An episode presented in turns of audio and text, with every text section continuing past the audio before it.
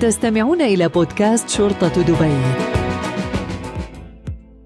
مرحبا بكم متابعينا في حلقة جديدة من بودكاست شرطة دبي حيث نسلط الضوء اليوم على روح التنافس والمهارة في تحدي الإمارات للفرق التكتيكية لعام 2024 نشهد النسخة الأكبر في هذه البطولة العالمية حيث يجتمع في دبي 80 فريقا من 43 دولة. في حلقتنا اليوم نحن محظوظين باستضافة الملازم ميثم محمد سيف الحكم الإماراتي المتميزة اللي يعد وجودها في لجنة التحكيم لتحدي الإمارات للفرق التكتيكية إنجازا بحد ذاته.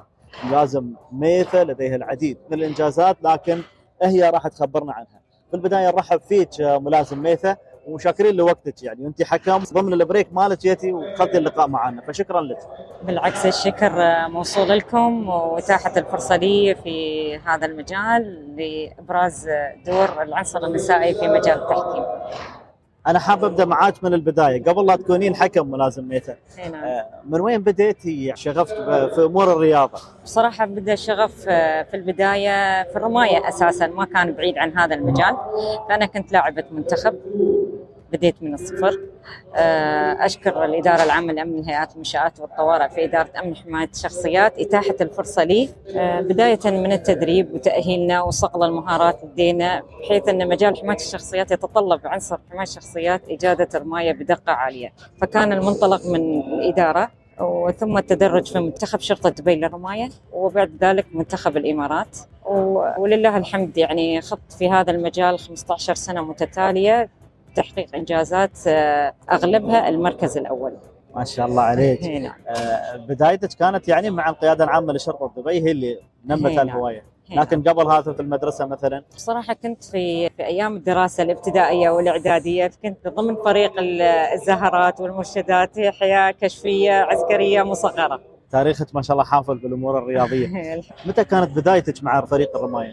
في 2006 كانت الانطلاقة في بطولة وزارة الداخلية السنوية للرماية وكانت أول مشاركة لي والحمد لله حققت فيها المركز الأول كفريق آه، شرطة دبي للسيدات. شو كان الدافع اللي تحولت من مجال الرماية إلى حكم وأيضا في بطولة عالمية؟ طبعا الرماية ما لها وقت معين. أنا لازلت أرمي في بعض المسابقات وبعض المسابقات أو البطولات آه، في قانون يمنع الرامي يرمي بعد آه، سنوات معينة. فأنا م- أبغي أكون في نفس المجال بس نعم. البوزيشن يتغير. آه، أنا أساسا مدربة رماية والحين حكم رماية. يعني رامية مدربة حكم. ما شاء الله عليك. هنا. وأيضا ما طلعتي من العالمية. أنت في العالمية الحمد موجودة. لله الحمد لله. لكن يعني مثل ما قلت هاي بطولة عالمية. هالشيء ما يشعرك بالخوف؟ هو يمكن باكتساب الخبرة والسنوات الطويلة آه، أنت لازم يكون في خوف. لو واحد بالمية آه، من التركيز والاهتمام والضوء مسلط عليك وأنت لازم تطلع بأحسن صورة تمثل شرطة دبي وتمثل آه، دبي وتمثل الإمارات بشكل عام. فالحمد لله قدرنا نتغلب على هالشيء طبعا بتوجيهات وجهود رئيس لجنة الحكام والبيئة المحيطة فيه يعني. مثل ما يقولون يعني الاستعداد يعطيك ثقة. أكيد. كلمينا عن الدورات اللي يعني دخلتيها عشان توصلين لهالمرحله من الثقة؟ طبعا آه، أتاحوا لي الفرصة وزارة الداخلية وتحت رعاية شرطة دبي آه، أني ألتحق بدورة إعداد حكام. والتحقت بهاي الدورة. شرطة دبي مثل ما أقولها دائما في كل حلقة تستثمر في العنصر البشري وفي كوادرها البشرية. كونك العنصر النسائي الوحيد بين 25 حكم متواجدين اليوم في هذه البطولة كلمينا عن هذا طبعا أول شيء اشعر بالفخر اني أنا العنصر النسائي الوحيد. أشكر الحكام زملائي بحيث إنهم ما يبخلون علي بأي معلومة آه، تفيدني أنا وبالعكس يدعموني وما يحسسوني إن في فرق بيني وبينهم. فهذا يعني داعم كبير لي وبالعكس شيء كبير وأنا أعتز فيه. وأنت مكسب لهم أيضا شكرا جزيلا. كيف كانت تجربتك في الأربع سنوات الماضية في التحكيم وشو هي أبرز اللحظات اللي مريتي فيها؟ أبرز الإنجازات أو أبرز اللحظات اللي مرينا فيها تحقيق ال- الفرق ال- العربية وبشكل عام والفرق ال- فرق شرطة دبي بشكل خاص للمراكز الأولى.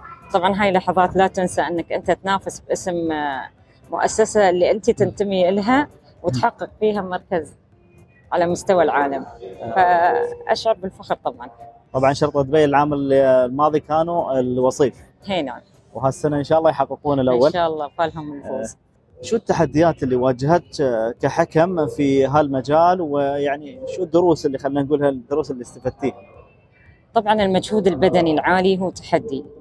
فأنا لازم آه، أحافظ على لياقة؟ اللياقة البدنية. ها طبيعي يعني كوني أنا حكم لازم عشان أنا أستمر آه، من ست إلى 10 إلى 12 ساعة في الميدان هذا يتطلب يعني وهذا كان تحدي كبير بالنسبة لي. الملازم ميثم محمد سيف عضو لجنة التحكيم للفرق التكتيكية، شو دورك في التحكيم اليوم في هالمنافسة؟ آه، طبعا نحن البطولة تتضمن خمس مسابقات آه، ونحن كحكام عندنا لائحة وعندنا قوانين ندير فيها هاي البطولة. فنحن نمشي على هاي القوانين من ناحية الإجراءات الامن والسلامه أداء اللاعب جاهزية الميادين طريقة الرماية. في النهاية نرجع للقانون واللائحة.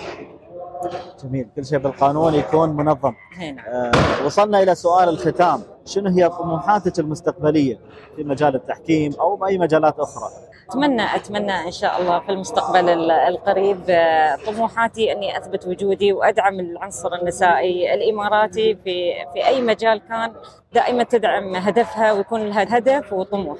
تامل نشوفك دائما متميزة وممثلين الدولة وتمثلين القيادة العامة لشرطة دبي في جميع المحافل ملازم ميثه صراحة شاكر لك وقتك الثمين معنا العفو والشكر موصول لكم ولكم جزيل الشكر على هاي الاستضافة وأنا أتمنى لكل فريق العمل التوفيق. مستمعينا وصلنا إلى ختام حلقتنا اليوم هذه تحياتي محدثكم محمد إبراهيم وإلى اللقاء. استمعتم إلى بودكاست شرطة دبي.